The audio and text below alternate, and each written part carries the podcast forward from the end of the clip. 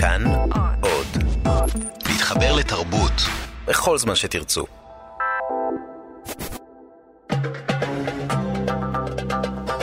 גם כן תרבות. עם גואל פינטו.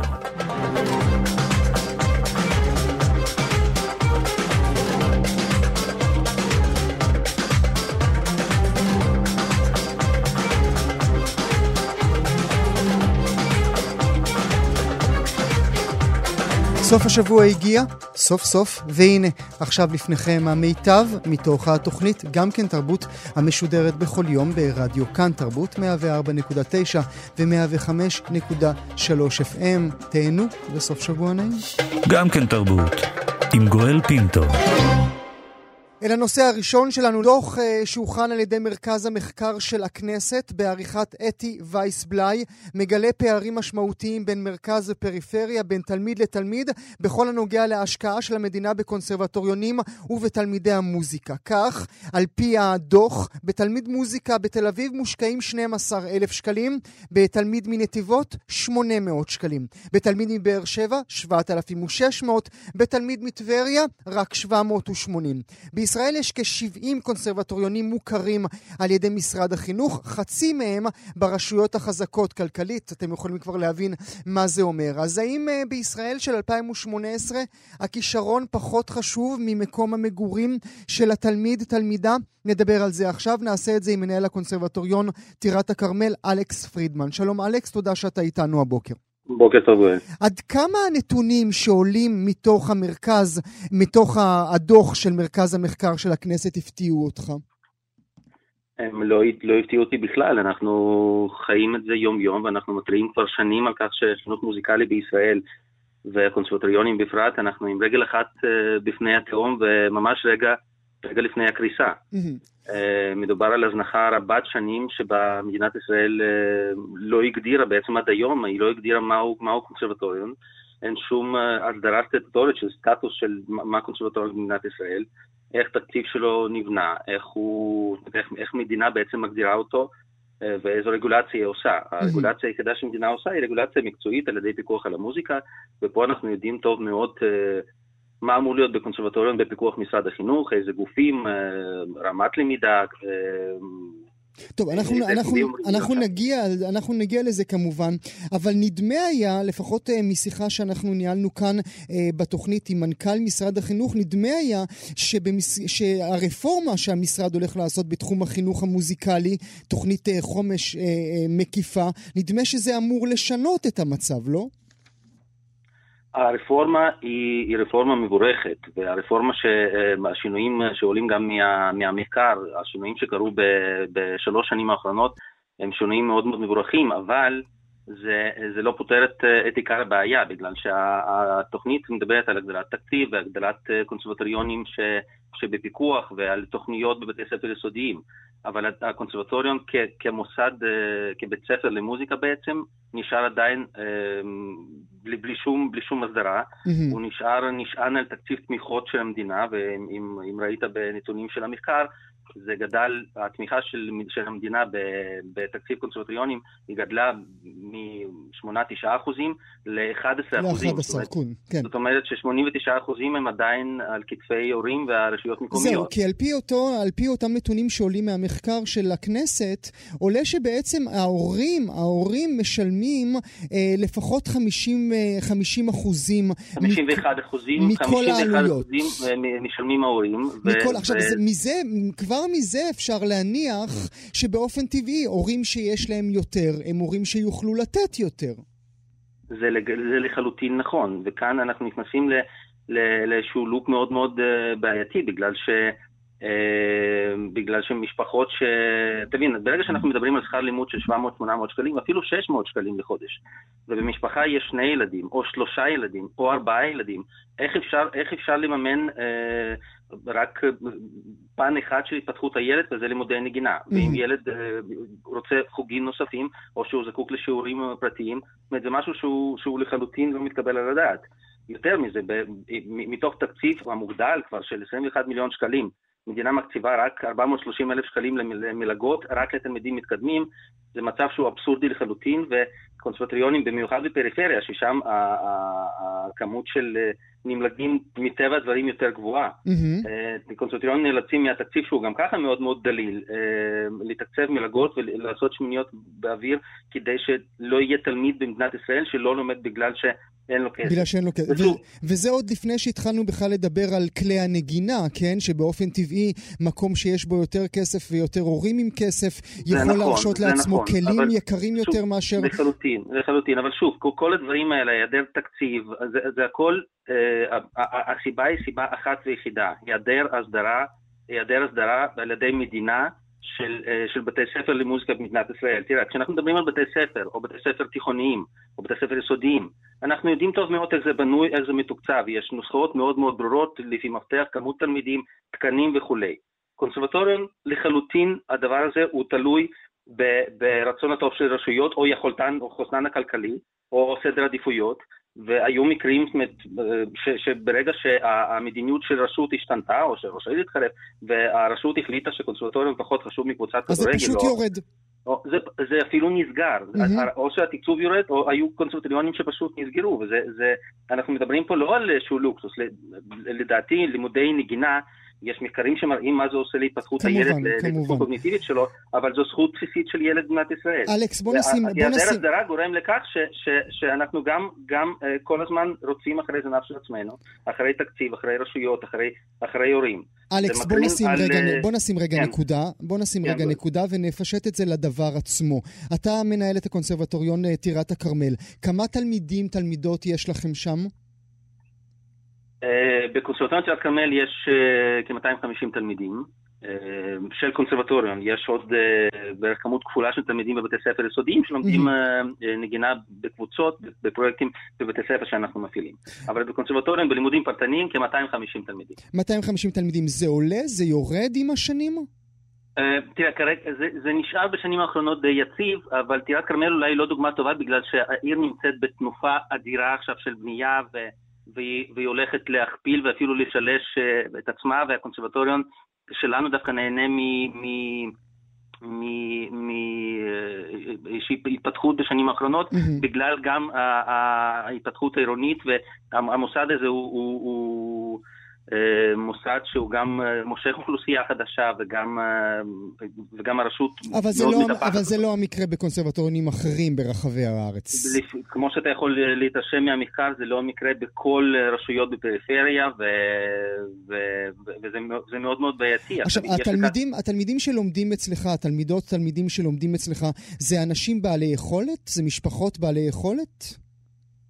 יש מגוון מאוד מאוד רחב, חלקם בעלי יכולת, חלקם, אה, אתה יודע, ממוצע כמו, כמו כל עם ישראל, וכמו כמו חתך של יישוב אה, באשכול 4-5 במדינת ישראל. Mm-hmm. יש משפחות מעוטי יכולת, יש משפחות מרובות ילדים, אה, יש, יש לנו נמלגים, אנחנו... אבל מה, אבל מה יש יותר? אני מנסה להבין האם באמת צריך להיוולד למשפחה נכונה במקום נכון כדי שזה יתאפשר ללמוד מוסיקה.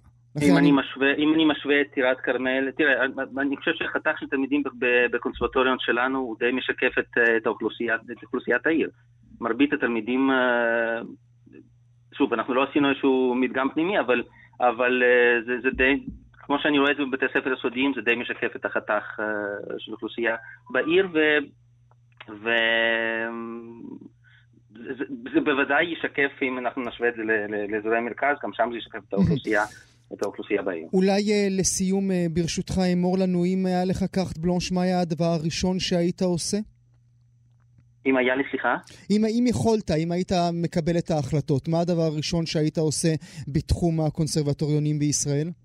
אני חושב שדבר הראשון, הייתי הופך את הקונסרבטוריונים לבתי ספר למוזיקה של משרד החינוך, עם, uh, עם תקציב שעתי, כמו בית ספר למוזיקה, עם תקנים למורים ועם שכר לימוד מוגדר.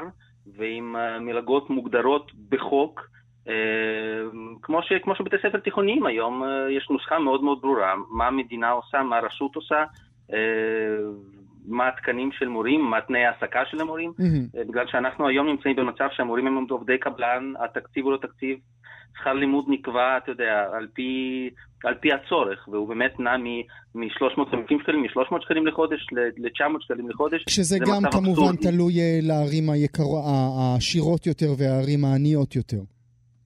זה נכון, אבל אתה, אתה מבין שאנחנו לא מדברים על טווח של, של 10%, 20%, אנחנו מדברים על טווח של של 300 אחוזים על, על, על, על לימודי נגינה. כן, כמובן. זה, זה בלתי אפשרי. טוב, אנחנו כמובן נהיה על הסיפור הזה. אני מודה לך מאוד, אה, אלכס פרידמן, מנהל קונסרבטוריון טירת הכרמל. תודה רבה שהיית איתנו. תודה לך, יום טוב.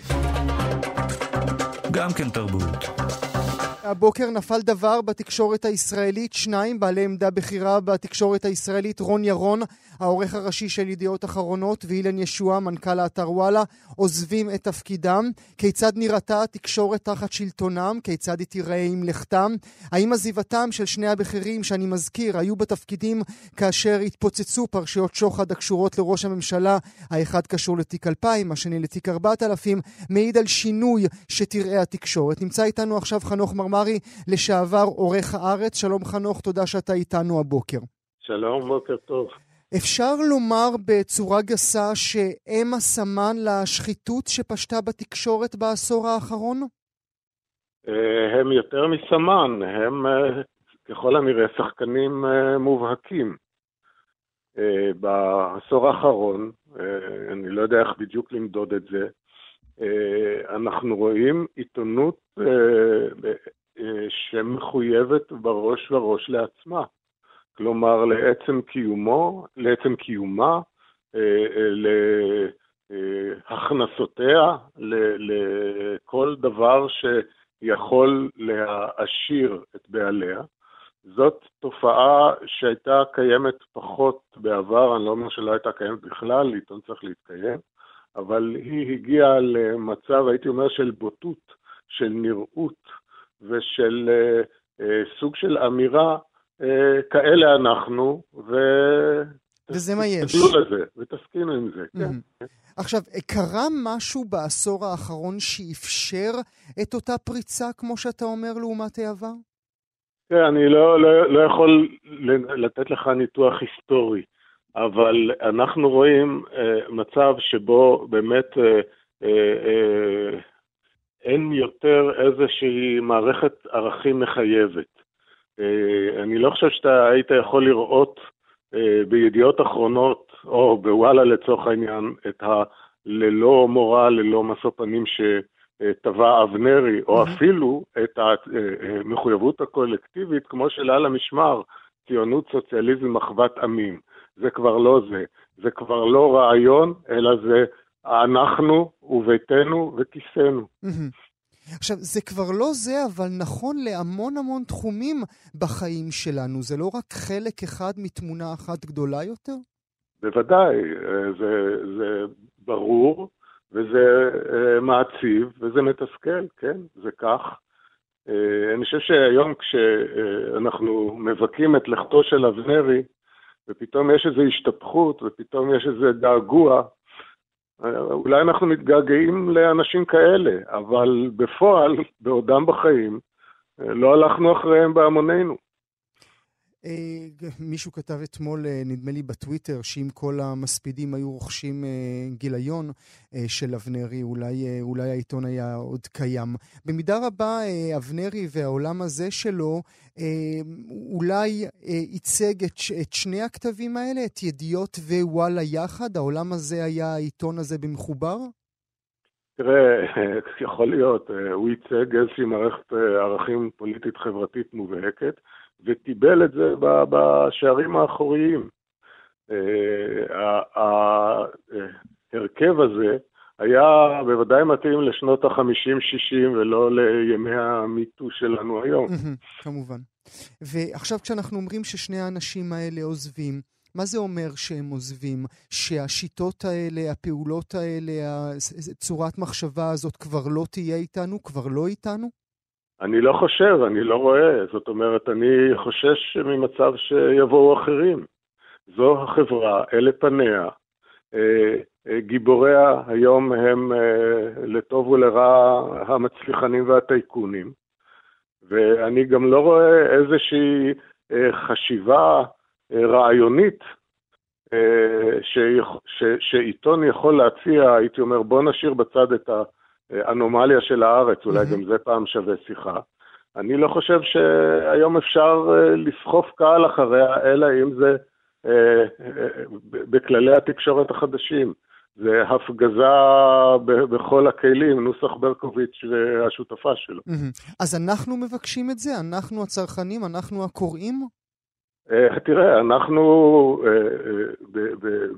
בימיי בהארץ אמרנו לפעמים עיתון צריך לצאת נגד קהלו. בנושאים מסוימים, לספר גם את הלא נעים ומה שלא רוצים לשמוע. אני חושב שהיום המצב הוא הפוך. אתה, כמו שאומרים, מלקק לקהלך, יורד על ברכיך. אולי זה באמת ביסוד התופעה. אתה סופר קליקים. אנחנו סופרי קליקים היום, שום דבר אחר לא. וכשאנחנו רואים את כל בכירי ידיעות אחרונות כדוגמה, כותבים דברים מאוד יפים, צריך לומר, על מי שעמד בראש הפירמידה שלהם, איך אתה מסביר את זה? מה, אני לא מסביר את זה, כל אחד יכול לתת לזה את ההסבר שהוא רוצה. אני רק יכול להגיד, את ה... הזכרתי את הארץ, אני אזכיר את העין השביעית. אני חושב שהעין השביעית זה הללא מורא ללא פנים, ש... ללא משוא פנים של היום. Mm-hmm. היה לי באמת הכבוד והעונג להיות חלק מהקבוצה הזאת. והם כותבים כל הזמן הכל על כולם. ושום הד לא מתעורר, ואף אחד לא קם ואומר, ואף אחד לא אומר, אני את זה עוזב. פעם היו מאיימים בלהפסיק את המנוי, היום אני לא יודע אם זה גם כן איזשהו uh, כלי uh, בידי הציבור. Uh, מקבלים את הריגוש וזזים הלאה, אולי uh, מתייחסים פחות בכלל למה שנאמר. ויש כמובן uh, ענן הטוקבקיסטים והטוקבקים, שהופך את הכל לזול ולמכוער. אני לא יודע איך יוצאים מזה, אבל מתישהו ואיכשהו צריך לצאת מזה. בפרספקטיבה רחבה יותר, המצב התקשורת בעולם, במדינות מתוקנות שאולי אנחנו נושאים את עינינו אליהן, המצב שונה? תראה, אני לא מאמין שהוא שונה באופן מהותי, uh, כי כולנו חשופים uh, uh, לגוגל ולרשתות החברתיות, אבל אני מניח שזה עניין של תרבות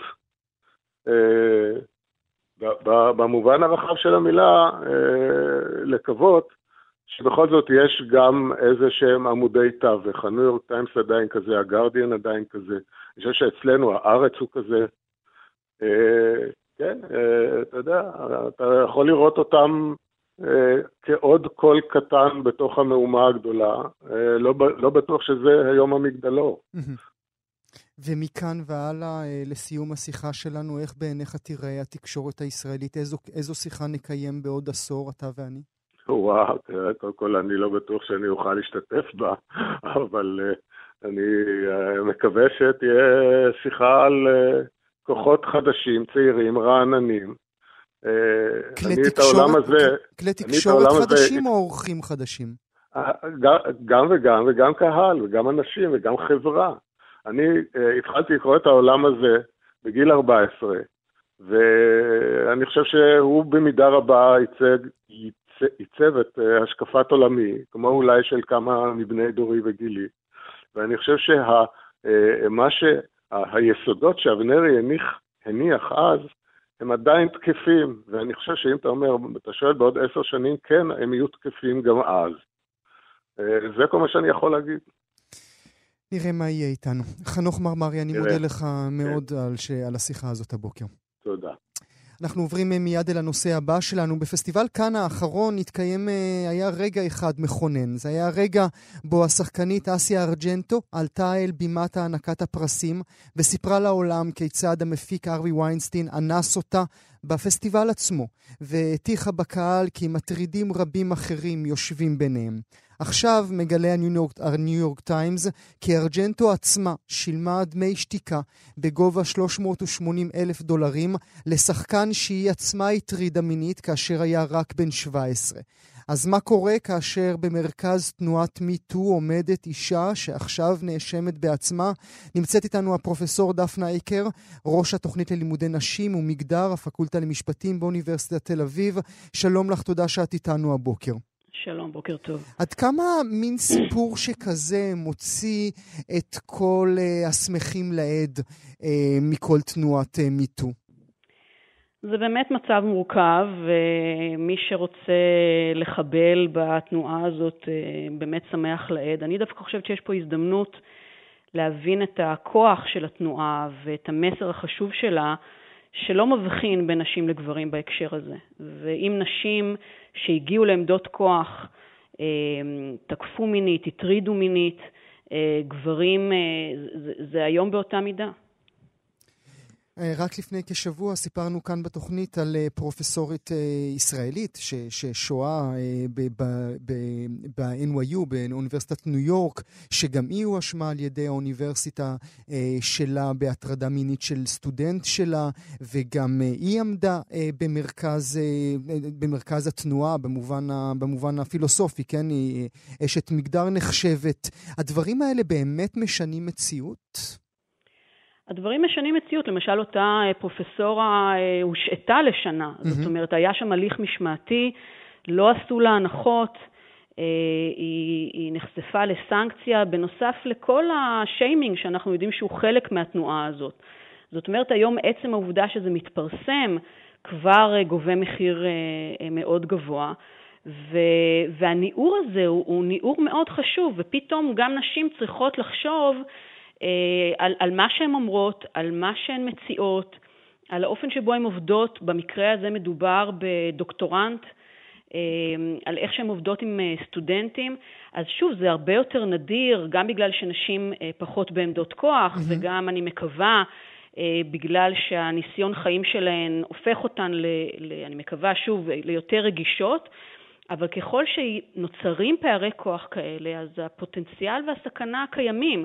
ולכן יש פה גם אה, קריאת השכמה לנשים עם כוח חברתי, שוב, בכל, בכל השדרות, במקומות עבודה, באוניברסיטאות, בצבא, אה, להיות מאוד מאוד זהירות, מאוד רגישות לכוח שיש להן, לא להניח שאם גבר, אה, שוב במקרים האלה, גבר צעיר, נענה לחיזורים שלהם או לבקשות שלהם או לפלירטוטים, אז זה מתוך הסכמה מלאה.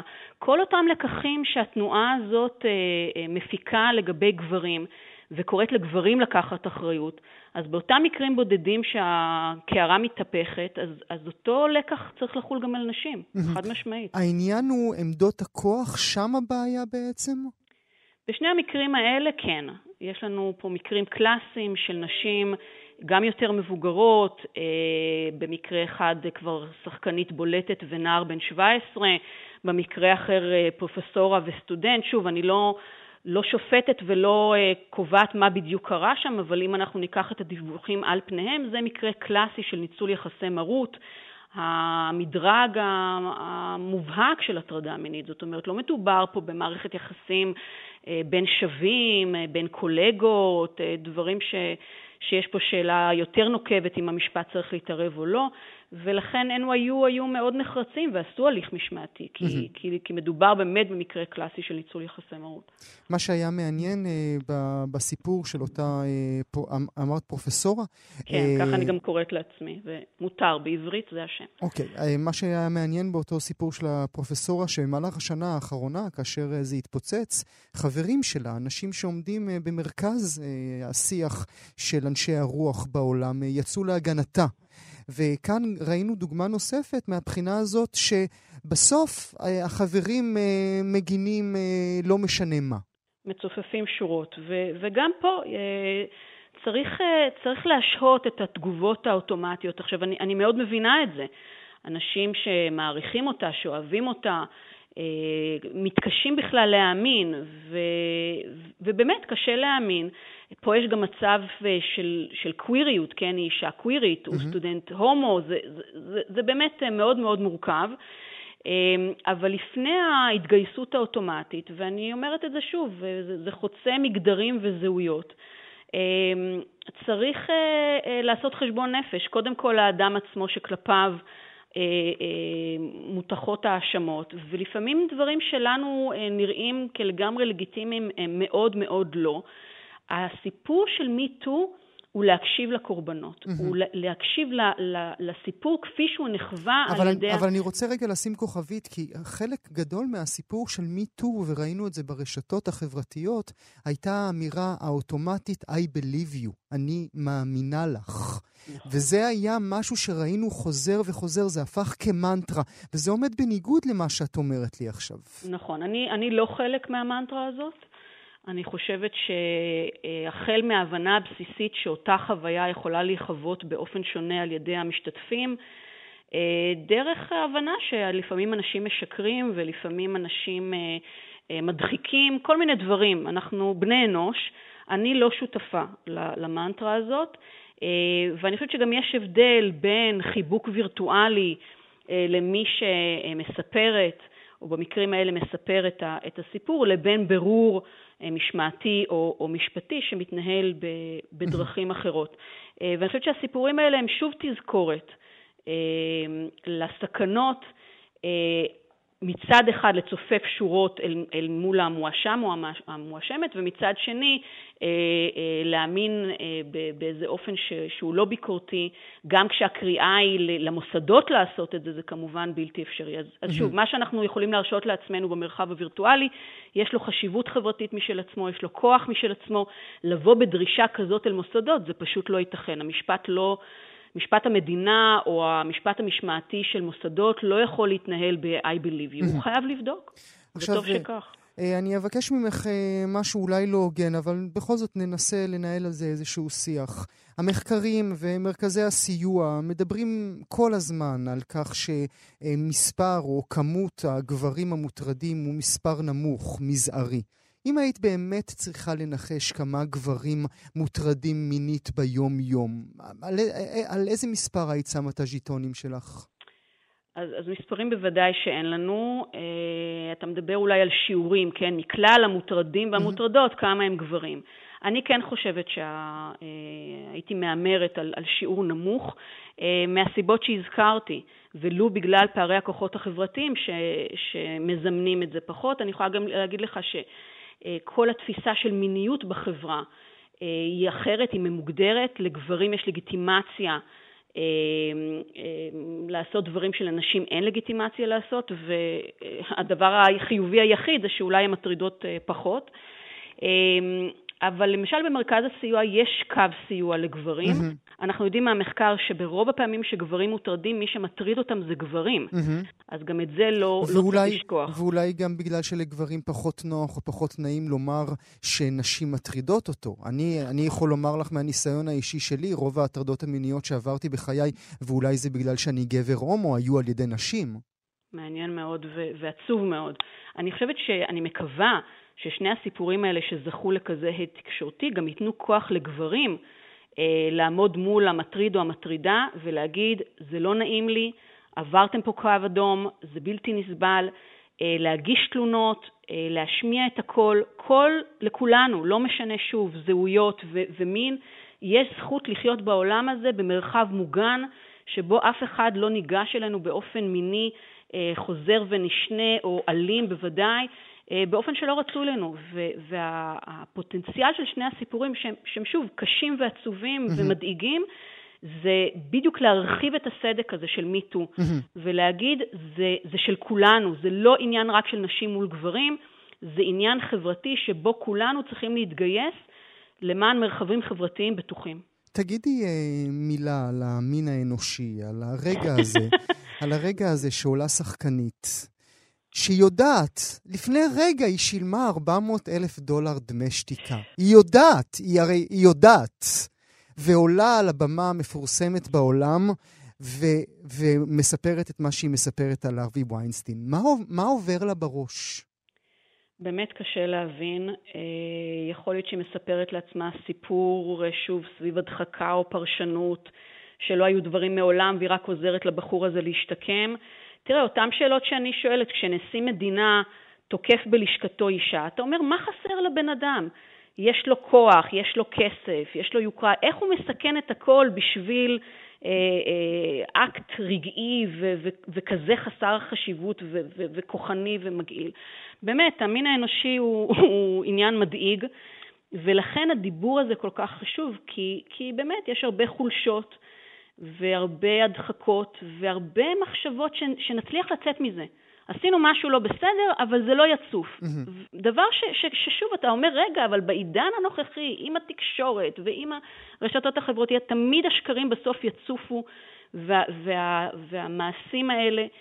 אה, תראה, למשל בסיפור של, של האוניברסיטה, אחד הדברים שלפי הדיווחים נאמר, האוניברסיטה זיכתה אותה מחלק מהמעשים כי אי אפשר לדעת, זה נעשה בחדרי חדרים. Mm-hmm. זה משהו שאנחנו שומעים כל הזמן. כן. אז האנשים שתוקפים אומרים, טוב, אף אחד לא ידע, כי זה רק בין שנינו. ושוב פה, החשיבות של המיטו, המגבלות של המשפט, הרבה פעמים הוא באמת לא יכול להוכיח, זה מילה מול מילה, ואז יש לנו מרחב ציבורי אלטרנטיבי שנותן ביטוי לתופעות האלה ומגנה אותן גם כשהמשפט לא יכול להתגייס. אז עם כל הקושי, אתה יודע, אנחנו שומעים משפט שדה ושיימינג וכולי, אני לא מזלזלת בתופעות לוואי, אבל להבין שדווקא בגללות, בגלל מגבלות המשפט והצורך להוכיח מעל לכל ספק סביר, טוב שיש לנו היום פלטפורמות שמאפשרות להשמיע את הקולות האלה גם מחוץ למשפט. הפרופסור דפנה אקר, אה, ראש או ראשת התוכנית? ראשת, ראשת. ראשת התוכנית ללימודי נשים ומגדר, הפקולטה למשפטים, אוניברסיטת תל אביב. אני מודה לך מאוד שהיית איתי הבוקר. אני מודה לך. גם כן תרבות. בימים האחרונים שוחחנו איתכם על יבול הסרטים הישראלי המרשים שהתקבל לפסטיבל הקולנוע בטורונטו. עכשיו אנחנו מוסיפים אחד נוסף לרשימה, עץ התאנה, סרט ביכורים של הבמאית אלמוורק דוידיאן, שיוקרן שם במסגרת Discovery section. הסרט צולם כולו באתיופיה, מתרחש בשנת 1989 ומשלב בין המלחמה המתרחשת שם לערגה והכוונה לעלות לארץ ישראל. אלמוורק נמצאת איתנו, שלום לך, תודה שאת איתנו הבוקר. שלום, תודה לך, פינטו. ברכות. תודה רבה. אה, סרט ביקורים להגיע לטורונטו, לא דבר שהולך ברגל. לא, לא, בהחלט לא, אני נורא מתרגשת, אז... אה, אה, זה מדהים. אין לי, אין לי מילים אחרות. הפרימיירה הישראלית תהיה בפסטיבל אה, חיפה בחודש כן. הבא. הוא כבר כן. מועמד לכמה כן. פרסי אופיר, גם את זה צריך לומר, אבל הבכורה כן. העולמית, הבינלאומית שלו, תהיה שם בטורונטו. אה, אנה, אנחנו נכון. לא צפינו בסרט.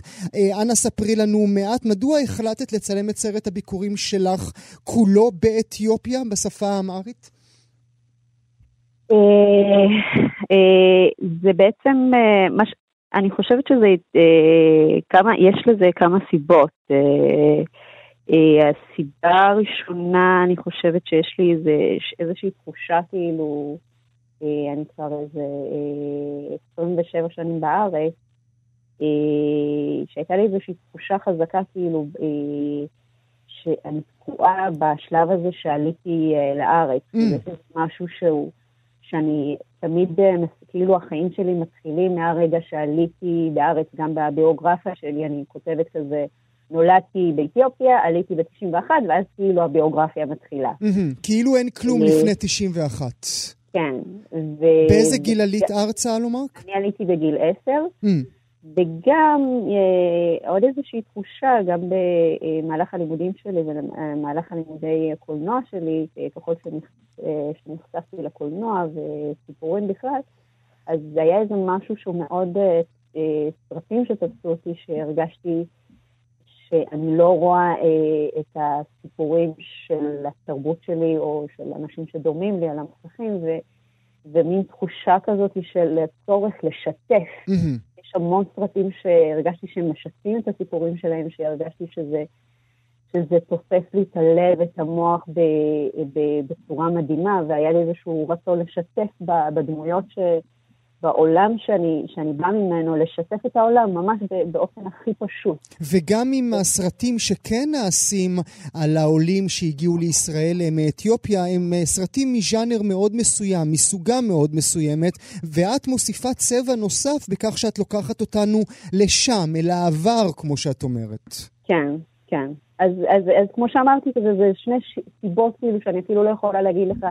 מה היה הדבר הראשון, מה היה השני, כאילו, אבל, אבל הרגשתי שאני קודם כל צריכה להתחיל באיזשהו, אה, אה, על, אה, ללכת לשורשים שלי, ללכת אה, לאיזשהו מקום שאני מרגישה שאני תקועה בו, ו, ולהתחיל אה, לחפש איזשהו, לא יודעת, איזושהי תחושה אבל מהעבר. מה, אבל מה כן היה לך בזיכרון? היית צריכה להמציא את הזיכרון מחדש, כאילו אני אה, גואל נוסע לאתיופיה, יוצר יצירה שעוסקת באתיופיה, או שכן נותרו לך שם אה, שיערים? בטח שנותרו לי שיערים, זה בדיוק הסיבה, כאילו... אה, גם אם אני אה, אה, לא מרבה לדבר על, על, על החיים שלי הקודמים, אבל זה תחושות מאוד חזקות ועולמות שאני, שאני מאוד מתגעגעת אליהם, ש, שרציתי לחזור אליהם ולפתוח אותם. אה, אה, זה מין... אה, זה מין עולם אבוד שאני, שאני רוצה לחזור, זה געגוע. זה געגוע למקום, למרות שהסרט הוא גם מכיל בתוכו את, ה, את המלחמת האזרחים, וגם כאילו חלק מהעניין, שהתחלתי לכתוב את הסיפור, פתאום גם נפרסה התקופה שחייתי בה, שבעצם מהרגע שנולדתי, אני חייתי בתוך מלחמת האזרחים. מבלי, לא ש... היית... מבלי, ש... מבלי שאת יודעת על זה אפילו. את, אני, אי אפשר להגיד שאני לא יודעת על זה, כי בסך הכל, אתה יודע, אה, בני המשפחה שלי, אנשים שהיו במלחמה, אה, הולכים וחוזרים, כאילו, אבל זה, בילדות לא עסקתי בזה, גם ראיתי חטיפות, אבל אה, נגיד, אה, ממש יש לי סצנה ספורה שאני יוצאת מהבית בית ספר, יש חטיפות, ואז גם בהמשך יש לי זיכרון מאוד ברור שאני חוזרת הביתה ומשחקת עם החברות שלי אה, חבל. Mm. אז, אז, פשוט אז, עוברים אז, הלאה. עכשיו, נכון, הזכר, הזכרת, את, המ, הזכרת את המילים רגע, זיכרון וגעגוע. זה גם מה שריתק אותי, כי בסופו של דבר שהתחלתי יותר להיכנס לתסריט, על, על, על היכולת של אנשים לייצר שגרה בתוך המלחמה. זה הדבר הכי מרתק. Mm-hmm. שזה בעצם בכלל כאילו, שמתייחס גם, גם לארץ, היכולת שלנו לייצר שגרה, שזה הגדולה, הגדולה שלנו כ, כאנשים. אז הייתה לי משיכה מאוד גדולה לזה, כאילו לנסות uh, גם uh, לראות את החיים שלי בצל המלחמה וגם uh, לראות איך האנשים מוצאים את הכוחות שלהם כאילו ל- ל- לנהל חיים שגרתיים, mm-hmm. ללכת לבית ספר, לחזור, להכין ארוחות. חיים הרגילים. ועל הדרך לראות מישהו נחטף, וזה בסדר, ואז לא, משחקים לא בחבל. לא, זה, בדיוק, זה לא בסדר, אבל אתה מייצר, כי אין לך, אין לך מה לעשות עם המציאות הזאת המון פעמים, אבל אתה מייצר שגרה. תחשוב כאילו, זה גם כאילו, נשים ניתקו אותי, כאילו, המחשבה על סבתא שלי, על אימא שלי, על כל האנשים שהכרתי, כאילו, פשוט כאילו נדהמתי, אמרתי, וואו, איך הם הצליחו לייצר לנו חיים רגילים. אני קמתי, בבית, קמתי בבוקר, אכלתי ארוחת בוקר, הלכתי לבית ספר. יצרו את השגרה הזאת, זה דבר נפלא. עכשיו, הזכרת קודם uh, במילים שלך את המילים uh, זיכרון וגעגוע. זיכרון וגעגוע הם דברים טריקים, כי לפעמים אנחנו מתגעגעים למשהו שאנחנו המצאנו, לא שבאמת נכון. היה שם. נכון. כאשר הגעת ופתאום המציאות או האמת טופחת לך על הפנים, איזה פער קיים שם? אה, זאת אומרת, אתה אומר כשהגעתי חזרה לאתיופיה? כן, בהחלט, לצילומים האלה של אה, הסרט. לצילומים ספציפיים, כן. אה, המציאות, כן, בהחלט טופחת על הפנים. גם הייתה לי תמיד שיחקתי עם איזושהי מחשבה שאני אחזור לאתיופיה ואני אחיה תקופות שם. אבל זה המון פעמים הרגשתי שדווקא עד שאני לא מוצאת שפה משותפת, לתחושות שלי, mm-hmm. להלך הרוח שלי, אה, וזה קרה לי דווקא, אה, ואז קרה לי הפוך עם הצוות המדהים הישראלי שהיה איתי, שהייתה לי שפה משותפת. המון פעמים שאני הרגשתי לא בנוח פה לחיות בארץ, וזה לא המקום שלי, ופתאום כשחזרתי לאתיופיה עם הצוות שלי, הייתה, הרגשתי, אוקיי, הנה אנשים שמבינים אותי ועם אנשים שאני. מעניין, מעניין, דווקא תהליך כן. הפוך. בשבוע שעבר אני אירחתי כאן אה, באולפן שלי את האומנית נירית תקלה, שהיא גם היא אה, אה, בת העדה, אומנית מצליחה מאוד. היא סיפרה לי דבר שהפתיע אותי מאוד על דור שני לעולים מאתיופיה שחוזרים לגור באדיס אבבה. נכון. זה, זה ממש, ממש הפיל לי את הלסת ל, לרצפה. את כן. יכולה להבין את זה? פגשת בהם? אני יכולה להבין את זה, אני גם קצת עכשיו, כמו שאמרתי לך, נג, נגעתי בזה, כי יש uh, לי כאילו באופן אישי מין תחושה של, uh, הרי ברגע שהגעתי לארץ אני הפכתי להיות, uh, זה, זה לא על עמוק, זה, אני, אני נושאת את כל העדה, mm-hmm. זה, דברים, מדברים איתי דרך... וזה בעיקר הצבע כמובן. ב- ב- כן, דרך הצינור של הצבע. זה, זה מקום מאוד מאוד קשה להיות פה בן אדם שחור כאן. אז היו המון פעמים, כן, אני מפנטזת, אני אומרת לך, אני מפנטזת כן לחזור לשם וכן לחיות שם, אבל גם מצד שני, אתה יודע, עכשיו ב... כשחזרתי לשם ו- ו- ועבדתי על הסרט, ופתאום הרגשתי שאני גם לא שייכת לשם. מעניין. מילה לסיום, ברשותך, כדרכו של רדיו. אה, מדוע עץ תאנה?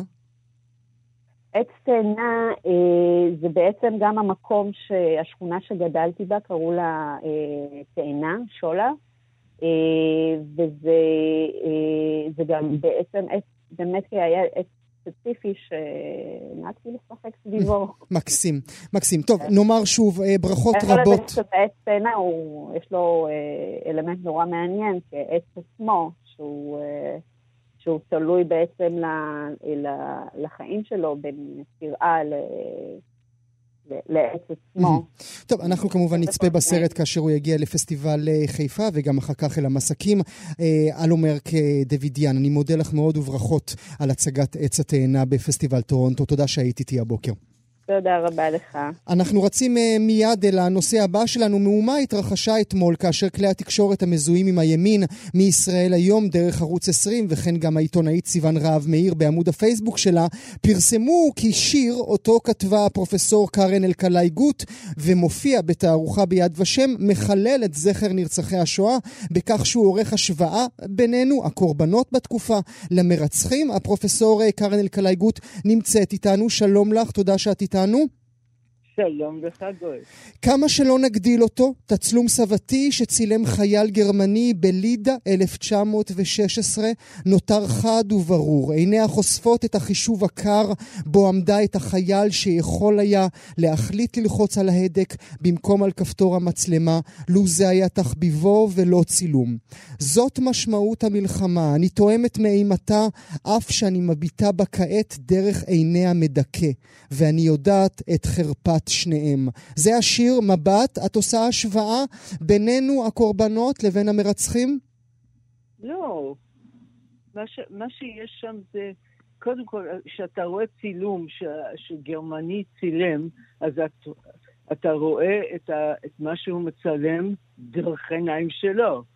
אז, אז אה, אם לא היה, אם לא היה חייל גרמני שמצלם את הגברת הזאת, לא היה תמונה מהגברת. Mm-hmm. לא הייתה תמונה. זה בעצם המשמעות, וגם אני יודעת מה זה אחריות, ואני יודעת מה, מה מרגישה האישה שמנוצלת, כי היא דוגמה, mm-hmm. דוגמנית לצילום, ואני יודעת מה זה לנצל, כי אני כותבת את השיר הזה, כתבתי ספר שלם ביידיש על, על, על, ההורים שלי, על המשפחה שלי שהלכה.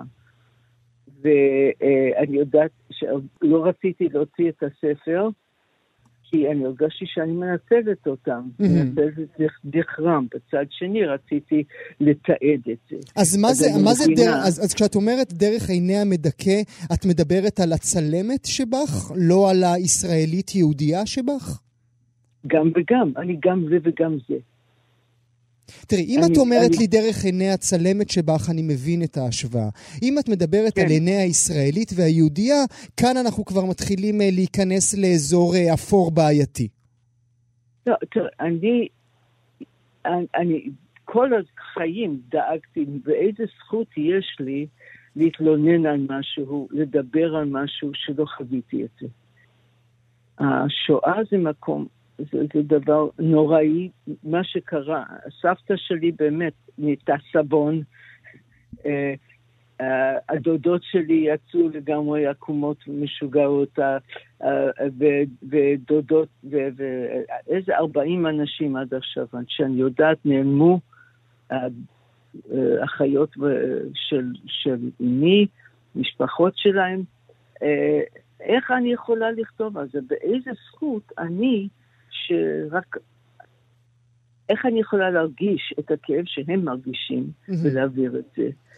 עכשיו, אה, בדברי הפתיחה, ש... בדברי הפתיחה שלך אה, באותה תערוכה ביד ושם המדוברת, את גם שם בדברים שלך דיברת על העניין שהמצב הפוליטי בישראל מהדהד בהצהרה שלך בסוף השיר. בכל זאת הכנסת לשם איזשהו קורטוב של פוליטיקה. אז זה נכנס, אבל זה לא, לא היה חלק מהשיר. זאת אומרת, אני לא ראיתי את זה כמשהו, השוואה בין ה... דרך אגב, הגרמני שצילם במלחמת העולם הראשונה, הוא לא היה נאצי. זה חייל גרמני, ואז בתקופה הזאת הם היו אה, אה, מאוד נחמדים לאנשים שהם כבשו, אז זה לא היה אותו דבר, אבל אני... אבל זה לא, זה לא העניין, אני לא, לא חשבתי על זה ככה. אם זה יצא ככה... לא, אבל בכל זאת, את עצמך דיברת אה, אה, במונחים של אה, אה, הצהרה פוליטית, המצב הפוליטי שמהדהד בשיר עצמו. אז, אז זה מהדהד ואני לא, כנראה כי אני חיה את זה, אבל לא, לא שאני, לא, לא, זה לא היה בשיר. השיר זה נטו על הזכות שלי לכתוב על, על, על, על השואה. הכנת הפסק... הזכות לעשות אומנות מהשואה, שזו שאלה מאוד קלאסית. היכן תפסה אותך המהומה אתמול? היכן תפסה, מיד ושם צלצלו אליי בצהריים, בשתיים, משהו כזה, ואמרו לי שהם מורידים את התמונה. אז מכיוון שהתמונה הייתה שם כבר, תמונה והשיר, הייתה כבר מינואר, אז uh, אני לא הבנתי שיש התנגדות בכלל, לא היה התנגדות. Mm. פתאום כנראה מישהו התלונן, ואני מבינה שאם פגעתי במישהו אני מאוד מצטער, זה לא, זה לא מוזיאון לאומנות, זה מקום ל, ל, ל, מכבד רגשות של כולם.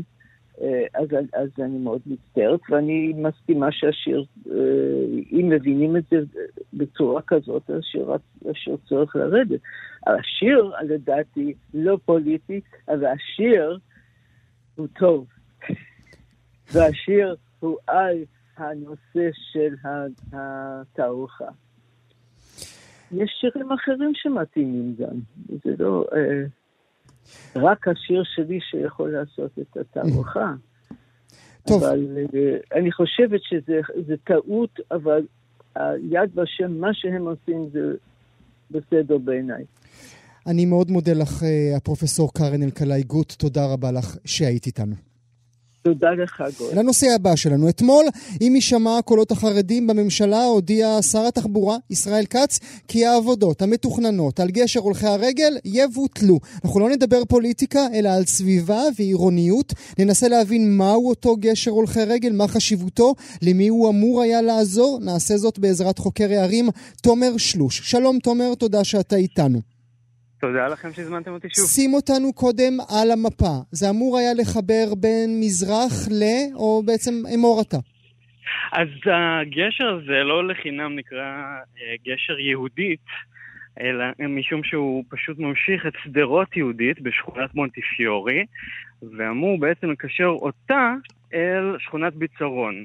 למי שלא מכיר את תל אביב, בגדול אפשר לומר שזה מחבר בין מערב העיר למזרח העיר. יותר עוד חיבור מצד אחד של נתיבי איילון לצד השני. עכשיו, כשאתה אומר חיבור, צריך להסביר אה, גם עבור אלה שחיים במרכז, אבל גם עבור אלה שאינם. כשאתה אומר חיבור, צריך להבין שמדובר בחיבור הכרחי, כי העיר תל אביב, כמעט ואי אפשר להגיע ממרק... ממזרחה למרכזה. זה, אתה תופס אותי במקרה שאני גם נמצא קרוב לים, כלומר, אפשר לומר עליי אנוכי במערב, ליבי במזרח ואנוכי בסוף מערב. Mm-hmm. כלומר, אני כרגע במערב העיר, ובאמת כדי להגיע אל מזרח העיר, אני אצטרך אה, אה, לכוון את זה לכך שאני אה, אעבור באחד מהגשרים שחוצים את המכשול בעבר טבעי והיום מלאכותי של נתיבי איילון. זאת אומרת, מעבר טבעי, משום שזה היה ואדי מוסררה, או בעברית נחל איילון, זה הפך להיות כביש מאוד סואן שבעצם חוצץ בין שני חלקי העיר, mm-hmm. ומאוד חשוב הנושא של הגשר שבו אתה בוחר, משום שאין לך הרבה הזדמנויות לחצות ממזרח למערב או ממערב למזרח, אלא בגשרים האלה, שאם אתה מצרף את כולם ביחד, הרוחב המצרפי שלהם, לפי mm. שיש בידיי, הוא משהו כמו 300 מטר. זאת אומרת, כדי לחבר בין שני חלקי העיר, יש לנו אה, מעין אה, צוואר בקבוק מאוד מאוד צר, אה, שכולו מגיע לסך של 300 מטר. Mm-hmm. לכן יש נחיצות מאוד גדולה לגשר בין החלקים של העיר עם עוד קשרים, עד כדי כך שהתוכנית או החזון העתידי זה שבעצם כל נתיבי איילון יהיו מקורים. באמצעות עוד ועוד ועוד גשרים, או אה, פרויקט אחד גדול שיקרא את כל הנתיבים. טוב, זה, אנחנו בינתיים לא מצליחים לעשות גשר אחד, בוא נחכה עם, ה, בוא נחכה עם התקורה. תשמע, אומרת, אה, אומרת אה, מירב מורן מהדה מרקר אתמול לרומי נוימרק שלנו בכאן 11. היא מדברת על כך שהגשר הזה הוא תכשיט שרון חולדאי מתכנן אה, כדי לשים עוד וי לקראת הבחירות המוניציפליות. היא אומרת שמי שיהיה ייהנה מאותו גשר זה אנשים, אה, אנשים שעובדים במקומות יקרים, שיוכלו לעבור בקלות אל מסעדות יקרות. היא אומרת שבעצם חוץ מזה, לא, העיר לא באמת תהנה מהגשר הזה. ענה לה? אני אה, לא, לאו דווקא הייתי עונה לה, היא רואה את החסרונות, אני רואה את היתרונות. הגשר הזה יכול גם לשמש את מי שיגיעו בתחנת, את מי שירדו בתחנת הרכבת הקלה אה, שנבנית בימים אלה לא רחוק משדרות יהודית, הם יוכלו בעצם להתחבר באמצעות הגשר הזה אל מקומות התעסוקה mm-hmm. בצד המזרחי של איילון, ברחוב יגאל אלון, איפה שיש עכשיו גם פרויקטים אדירים של התחדשות עירונית. כן. בעצם זה יחבר בין הרבה מאוד אנשים להרבה מאוד הזדמנויות, הזדמנויות תעסוקה, הזדמנויות לימודים, הזדמנויות לבילויים. אני לא רואה את החסרונות ב- בתור הצד היותר אני אנסה בכל זאת, אני אנסה בכל זאת לתת איזשהו חיסרון. תשמע, אנחנו מכירים את האזור המדובר. כל אזור דרך השלום, כל אזור צומת עזריאלי, כל אזור תחנת ההגנה. זה האזור הזה שאנחנו מדברים עליו. כל כך הרבה דברים... דברים יכולים לעשות לפני שמעמידים את הגשר הזה? למה הגשר היקר הזה הוא זה שצריך לעמוד במרכז עכשיו? מי שצועד, מנסה לצעוד, אה, לנסוע בצומת עזריאלי וצריך לעבור עשרה אה, אה, אה, מעברי חצייה עד אשר הוא מגיע לחלק שאורכו בקושי 30, 40, 50, 60 מטרים, כן? לא היה אפשר לעשות דברים חשובים יותר לפני כן? יש לנו בעיה. הבעיה הזאת היא ציבורית, לאו דווקא בקרב, אה, נקרא לזה, מנהיגי הציבור או נבחרי הציבור, אלא של הציבור בכללותו. יש איזושהי תפיסה שתוקעת אותנו היום, שאי אפשר לפגוע ברכב הפרטי. Mm-hmm. התפיסה הזאת היא שגויה מיסודה, אבל היא מכתיבה את המהלכים שרשויות ציבוריות פשוט לא יכולות לעשות אה, אה, דברים אלא בדרך הזאת. בגלל זה גם הכוונה הייתה לבנות את הגשר הזה ככה שלא תהיה הפרעה לתנועה. Mm-hmm. עכשיו, אנחנו בעצם בונים גשר שנועד מלכתחילה להולכי רגל ולרוכבי אופניים כדי להפחית את התנועה, או במילים אחרות, להפריע לה. תנועת המכוניות. Mm-hmm. אז בעצם הבעיה שלנו, זה נכון שהיינו רוצים כבר מחר בבוקר שכל הנתיבים על, אה, על הגשרים שחוצים את האיילון יהיו רק להולכי רגל ורוכבי אופניים. בשלב הנוכחי, מבחינה ציבורית, אנחנו לא מצליחים להגיע לאיזושהי תכנות שיתמכו בזה. uh, לצורך העניין, אם מחר בבוקר באמת כל הנתיבים שהיום מיועדים למכוניות יהפכו להיות של רוכבי אופניים והולכי רגל, אנחנו נחיה בעיר הרבה יותר ירוקה ונקייה. טוב, אתה חי בלה-לה-לנד. זה בדיוק מה שהבעיה שלנו, שהחזון הזה עדיין לא הוטמע במלוא העוצמה שלו בקרב הציבור, לכן מקבלי ההחלטות, מה לעשות, הולכים אז... בכיוון שהוא זיגזג. אה, בוא ננסה עכשיו דווקא בנקודת הזמן הזאת, כמובן אי אפשר לדעת אם יקום גשר, אם לא יקום גשר, מי יכופף את היד של מי, לא חשוב, נניח את זה בצד רגע, נתייחס אל היום, אל הרגע הזה ממש. איזה ציון אנחנו יכולים מבחינה עירונית לתת לעיר תל אביב?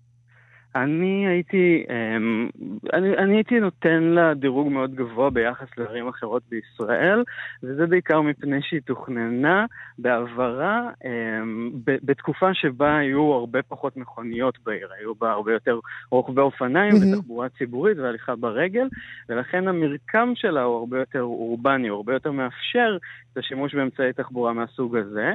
הקרבה, אה, שלא לומר צפיפות, בין מקומות תעסוקה לבין מקומות מגורים היא הרבה יותר גדולה, ובמובן הזה כל הערים שנבנו יותר מאוחר הן נופלות בדירוג שלה מתל אביב.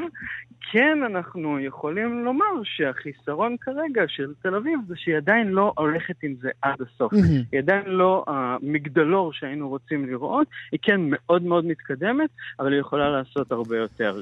דווקא עם האיכויות העירוניות שיש בה, היא יכולה להראות לערים אחרות את הדרך, mm-hmm. והייתי אה, אומר שהיא תיקח השראה מהסמל של העיר תל אביב, הסמל המקורי, שיש בו מגדלור. המגדלור הזה של תל אביב הוא לא מגדל עזריאלי, כן. זה בטוח. uh, טוב, אז אנחנו נמשיך, uh, לא, יהיה לנו, uh, לא יהיה לנו גשר, ואנחנו נמשיך לצעוד עוד ועוד ועוד. אנחנו אומרים, אני אומר אנחנו, כי אנחנו כאן uh, uh, באולפן תל אביב של כאן, ממש גרים באזור, אנחנו במזרחה של העיר תל אביב. הנה, גם אתם אנחנו, הייתם יכולים ליהנות ממנו. אנחנו במיוחד יכול היינו, יכולים היינו ליהנות ממנו, אבל כמובן שהנושא עולה לדיון לא בגלל שאנחנו יכולנו. תומר שלוש, אני מודה לך מאוד, תודה שהיית. היית איתנו סוף שבוע נעים שיהיה לך. סוף שבוע נעים, תודה רבה לכם. אנחנו עוברים אה, מיד אל הנושא הבא שלנו, שלושה מיליארד דולרים ו-200 מיליון. אה, זה סכום הרכישה של סודה סטרים הישראלית על ידי פפסיקו העולמית. אם אתם צריכים את זה בשקלים, אז מדובר בכ-12 מיליארד שקלים. מיליארד.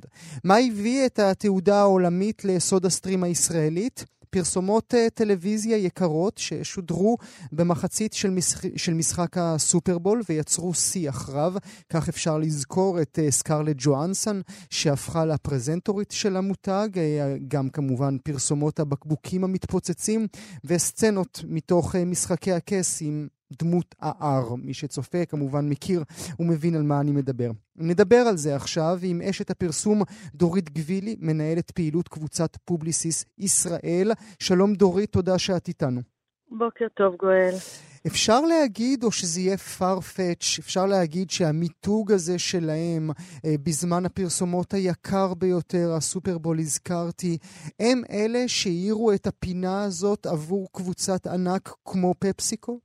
אני חושבת שזה חלק מזה, חלק גדול, אבל זה עם המון מרכיבים. זאת אומרת, מעבר למזל, כי יש הרבה חברות אה, שעושות את אותו דבר ולא מצליחות להגיע לסכומים המטורפים האלה שאתה מציין. Mm-hmm. יש כמובן לשחק במגרש של הגנים, גם להשתמש בפרזנטורים מאוד מאוד יקרים, שהם סוג של תו איכות. בטח אה, סקרלט ג'ואנסון, שהיא שחקנית מאוד מוערכת, מאוד דעתנית. התוכן עצמו שהוא תוכן אה, יחסית אה, פרובוקטיבי, זאת אומרת חברה קטנה, כן, חברה קטנה מישראל, נכנסת חזיתית בענקית, mm-hmm. כמו קוקה קולה ופפסי, ולא מתביישת להגיד את זה בקול הכי רם שאפשר.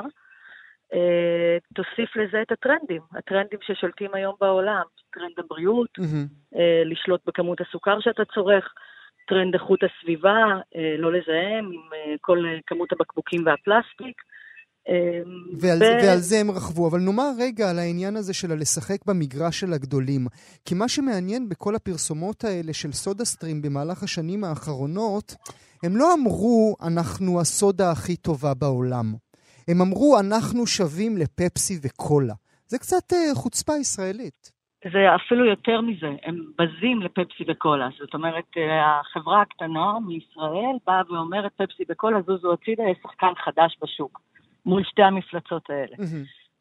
production mm-hmm. value בחלק מההפקות מאוד גבוה, טאלנטים, זמן מדיה פסיכי, זאת אומרת לקנות uh, מדיה ב, uh, בסופרבול, זה, צריך פה כיסים מאוד מאוד מאוד גדולים. Mm-hmm. חוץ מזה הם עשו פעילות שיווקית מאוד חכמה ומאוד חתרנית. Uh, ב-1 באפריל הם עשו אינסוף פעילויות ולמעשה ניתגו את היום הזה אה, יום סודה סטרים, זאת אומרת, מתעשיית הפרסום, אני חושבת שבאופן כללי חיכו לראות מה הם עושים השנה. Mm. הם עשו פעילויות שטח. יש פה אמירה שהיא אמירה שהיא מאוד... אבל זה, אבל זה חתיכת אה, לקחת סיכון. את היית יושבת מול לקוח שלך ואומרת לו, אה, אנחנו עכשיו מגרדים את כל מה שיש לנו בכיסים ו- ו- ונלחמים נגד הגדולים ביותר? אנחנו אומרים את זה הרבה, לא כולם הולכים איתנו. זאת אומרת, צריך פה שני צדדים. מעבר למפרסם, אה, צריך פה בעלים, מנכ"ל במקרה הזה, אה, שמוכן ללכת על זה. שמוכן ללכת על זה ומוכן אה, לשים את כל הביצים באותו סל. יש פה משהו מאוד מאוד אמיץ מבחינתו. גם הדרך שהוא, שהוא עובד בעולם ובישראל היא לא דרך המשרדים הגדולים, זה תמיד דרך חברות קטנות, דיגיטל, ממזריות יותר. בארץ זה אלנבי, שהם מאוד מאוד מוכשרים. שבאמת עושים דברים שהם יותר בולטים, פחות נזהרים, אני אגיד את זה. כן, אז יש פה משהו שהוא מאוד אמיץ. מה שמעניין, וזה באמת, זה סיבוב פרסה כזה, כל הפעילות הפרסומית של סודה סטרים הייתה נגד משקאות קלים, קוקה קולה ופפסי, והנה, מי רוכש את סודה סטרים? פפסי. כן, עוד פעם, if you can't beat them, join them, זה המושג הכי הכי בסיסי, אבל אנחנו רואים את זה בהמון דברים. בעוד המון המון תחומים, שאתה מבין, זה גם קיים בקוסמטיקה, שאתה, חברות קוסמטיקה קטנות שבאות ואומרות, אנחנו יותר טובות כי אנחנו טבעיות ו... ו... ו... ו... ובסוף הן נקנות על ידי התאגידים הגדולים. זאת אומרת, זה, זה בסוף כוחות השוק. אמרי משהו על ה... כי באמת, כמו שאמרתי, יש עוד חלק אחד למשוואה הזאת, וזה העובדה שהעולם מנסה, לא יודע אם מצליח, אבל לפחות מנסה להוריד את כמות צריכת שתיית הסודה הלא טובה, לא הסודה הטובה, המשקאות הקלים, ואז נכנסת מין סודה סטרים שכזאת שאומרת, אנחנו תחליף ראוי. את חושבת שזה מה שנכנס בתוך זה ואפשר את המכירה הזאת? אני חושבת שמה שמאוד עזר למכירה זה בעיקר הצד הנגדי של מה שאתה אומר. זאת אומרת, המכירות בארץ ובעולם של משקאות ממותגים בירידה מטורפת. אם אתה מסתכל על גרפים, זה ירידות פסיכיות. עכשיו, זה לא, זה בכל מקום בעולם.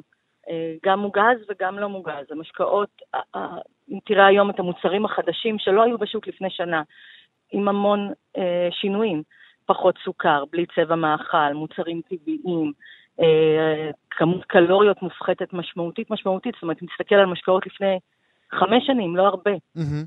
אנחנו מדברים על רבע מכמות הסוכר, לפעמים אפילו פחות. זאת אומרת, הם היו צריכים למצוא, אה, כל חברה כזאת למעשה היום, כשנתח השוק העיקרי שלה זה משקאות, צריכה למצוא תחליף אחר למה יחליף את הירידות האלה. ואין ספק שסודה סטרים עונה על זה במקרה של פפסיקו. נאמר, נסיים את השיחה שלנו עם דעה שלך. מה בעינייך הפרסומת של סודה סטרים? אני חושבת שהגיימצ'יינגר היה סקרלט ג'ואנסון. זאת אומרת, הדמה, שיין והפרסומות שעשו הן פרסומות מעולות, הן היו ויראליות מאוד, הן עזרו גם להשיג פרי מדיה. פרי מדיה זה כשאתה מעביר את הפרסומת, אז למעשה אותו לקוח לא משלם על זה שתצפה את הפרסומת, כי זה משהו ש... נהיה ויראלי. אנשים רוצים לראות. זה גם שווה ערך כסף, וכמובן נכון. את מדברת על הפרסומת של ה-Shame on you הנפלאה. נכון, ב... נכון. נכון, שביים למ... במה ישראלי, ביים אותה אוהב פלן. אז למה בכל זאת סקרלט? כי פה הם באו ובהפקה מאוד מאוד פשוטה, יחסית, באו ואמרו, אנחנו שחקן חדש וזוזו. ליטרלי אמרו את זה. כמובן שהפרסומת הייתה צריכה להיות מצונזרת, אבל בדיגיטל היה לה חיים אחרים. אז זה גם עשה רעש, הצנזור הזה, זאת אומרת, mm-hmm. כל המהלך, מהלך מאוד מאוד אמיץ לבוא ולהגיד, להתמודד. בסוף יש legal department לכל אחד. כן. ואתה חשוף לתביעה, ואתה חשוף לאלף ואחת דברים, ולבוא ולהגיד את זה, ולשים את כל האמת שלך בחוץ, מול שתי ענקיות, באמת ענקיות באותה קטגוריה. אז זו פשוט החוצפה, נכון? זו בסוף, בסוף, בסוף זו פשוט החוצפה, דורית. או הדיגנטי הפנימי, זה גם... טוב, אולי זה אותו דבר.